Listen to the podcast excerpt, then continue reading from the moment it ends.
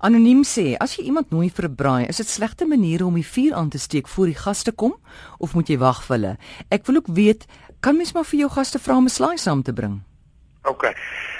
'n Braai is seker die mees informele geleentheid wat daar is en ek hoop voor die engele dat jy nie jou gaste nooi om na die vuur te kom sit en kyk nie. So steek hom aan wanneer jy wil. Dit is vir niemand 'n moment nie.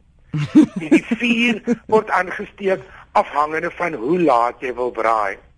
En as jy vir my vir 'n braai nooi, kyk 'n braai is een van daai goed wat jy net met 'n braai draai lelik uit. Dit is die langste event wat dit vat lank. ja. Dit is die event waar daar die meeste gedrink word. Dit is ook die event met 'n braai. Hier braai een, daar's twee by 'n kroeg, daar maak een 'n slaai hierso. Dis ook die die geleentheid waar drank die minste gemonitor word. So mense syp so soldate by 'n braai wat niemand hou vir jou dop nie. Dit is 'n ongelooflike lang event. As jy vir my vir 'n braai nooi vreemde mense gaan ek nie. Baie goeie vriende nooi my vir 'n braai, dan sê ek baie lief daarvoor want die braaibroodjies is my favourite kos maar ek gaan na die vuur aangesteek is. Dit vat ure, geen mens kan so lank sit nie. Steek hy vuur aan. Raai kolietjies regkom. Dit hang af van hoe laat jy wil eet en hoe laat jy vir mense gesê het ek nooi jou. Moenie jou gaste nooi 4 uur as jy vir hulle half 9 gaan vleis gee nie. Moenie jou gaste 2 ure meer as 2 ure laat sit. Tensy dit nou jy weet 'n storie is, ons kyk nou rugby en ons ruk nou die hele as uit die wa uit. Is 'n slegte manier om iemand te vra om 'n slaai saam te bring, glad nie. Dit is ongelooflik slegte manier om 'n slaai saam te bring as jy nie gevra is nie. Maar dit is hmm. glad nie slegte manier om vir iemand te vra gee om om 'n slaai saam te bring om watter rede nie of ons is baie lief vir daai slaai of ek het net hierdie tyd nie of jy weet my man is nou nie meer wat hy was nie. So kom ons eet 'n slaai. Jy weet daai daai tipe ja. ding. Maar dit is glad nie slegte manier om vir iemand te vra nie. Sy sê ek en my man is uitgenooi om oor 'n rukkie 'n troue by te woon. Ons was baie opgewonde want is vriende wat ons lanklaas gesien het. Tot my skok het ek onlangs 'n kaartjie in die pos gekry van die twee vriende wat nou al klaar getroud is. Dis 'n kennisgewing wat sê dat hulle reeds getroud is en in die kaartjie bedank hulle jou vir die gelukwense en onderaan kan jy glo bankbesonderhede en adres waarheen die geskenke gestuur moet word.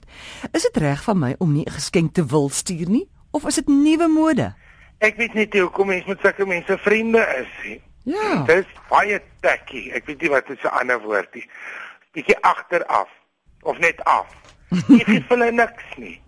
Jy trek vir hulle te genigtig, dis 'n verrassing. Hoop julle is gelukkig. En dis dit. Ja. Wat moet jy vir hulle geskenk gee as hulle jou nie nodig het vir die geleentheid, het hulle beslis nie jou geskenk nodig om hulle geluk tot by 'n punt te bring. Nie gee vir hulle niks nie. Dis nie 'n mode nie, dit is dis iets wat ek in my lewe nog nooit van gehoor het nie. Dit is net nonsens. Anoniem sê ek werk by 'n klein firma, een van my kollegas trou binnekort.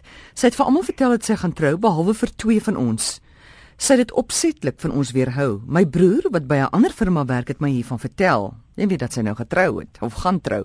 Ons firma wil nou 'n koevert omstuur vir 'n bydra. Ek voel nie lus om by te dra nie aangesien ek nie ingelig is nie. Hoe voel Nathaniel hieroor? Wat staan my te doen as sy elkeen persoonlik bedank en ek nie bygedra het nie? Jy gee niks nie. As hy nie vir jou vertel het nie en jy ek verstaan nie kyk hier's obviously 'n langer geskiedenis as wat ons nou tyd voor het en jy's nie gesê nie en jy wil nie bydra nie, dan gee jy niks. As jy jou dalk die dag daaroor bedank dan sê jy Baie dankie. Ek het niks bygedra nie want ek ek het nie geweet of jy wil hê ek moes weet van die troue nie. Jy hanteer hierdie persoon soos die persoon jou hanteer. Dit is nie onbeskof nie. Dit is nie 'n geval van draai die ander wang en wie is die beter persoon nie. Die lewe is kort en geld is min. Jy gee niks. Jy is nie genooi nie.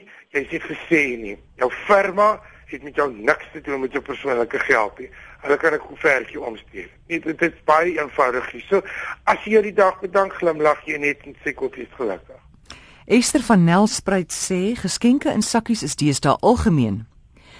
Ek wil net graag weet, wat is die regte manier om die vel sneespapier, is dit wat mense dit noem? Wat gewoonlik bo uitsteek te gebruik. Soms word dit sommer opgevrommel en bo op die geskenk ingedruk. Dit lyk maar sleg.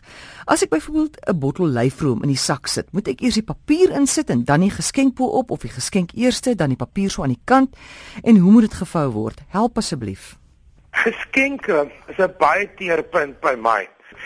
Sneespapier in sakkies het begin in die ou dae toe daar baie duur afdelingswinkels was en so en en dames het onderklere of juwele of parfuum gekoop en wou dit privaat hou. So daar is nie eens papier bo op goed gesit om om hulle hoe sê mens hulle inkopies privaat hou sodat mense nie in jou sak inkyk nie. Dis eenvoudig soos dit. Daar is 'n daar is spesifieke maniere om sneespapier te gebruik in 'n sak jy doen dit in die skynste altyd is geleer by kosmense. As jy net so 'n botteltjie lyfroom het sal jy hom diagonaal sit op die sneespapier om toe draai toe rol en soos jy hom toe rol so vou jy die punte in soos wat 'n slagter doen met 'n kilogram maalvleis. Rol vou in teen die kante rol vou in. Vinnig dit vat 1 sekonde sit hom onder in die sak. Jou boonste tissuepapier is nie veronderstel gebondel te word nie terwyl baie mense dit nie weet nie. Jy is veronderstel om soos wanneer jy in die ou tyd popcorn of 'n paar rys op die straat gebraaide chestnuts of die eerste slap chips in 'n cone gekry het, jy vou die papier in die helfte en dan dan vou jy die of die stryk die plooi plat en dan vat jy met jou linkerhand se duim in die middel van die plooi. Dan lig jy dit op en jy trek die vier punte boontoe en dan die vier dele boontoe. Dan sit jy letterlik met 'n cone wat 8 punte het.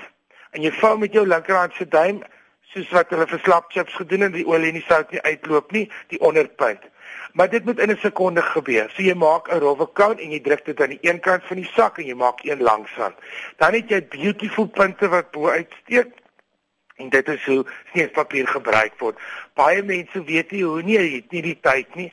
Mense wat opgelei is of wat dit gereeld doen, kan dit letterlik in 5 tellings doen. Dis vou, trek die punte boontoe, sit in die sak. Jy maak 'n beautiful reset of 'n blom of 'n ding en jy sit dit in die punte. Uitsteek is feestelik. Ek verkies 'n toegedraaide geskenk met 'n lint en 'n mooi kaartjie en sommer 'n vars blom op. Maar wanneer ek baie keer sneespapier en sakkies gebruik vir geskenke, is wanneer ek kersies afvlieg na my familie toe of ek vlieg na iemand se verjaarsdag toe en pakkies beskadig, dan sal ek onder in my tas my sneespapier en my geskenksakkie sit. Jy wil nie aankom by 'n geleentheid en sê hallo en dan vir 15 minute in die toilet gaan rond staan met 'n pakkie en 'n skêr en selfe tyd. So, dis baie goed vir vir reis mm. om 'n sakkie en sneespapier te gebruik. Sien eenvoudig so dit. Maar seker goed ek sê met baie ek kan 3 dae oor praat. ek gaan sakkie klasse gee.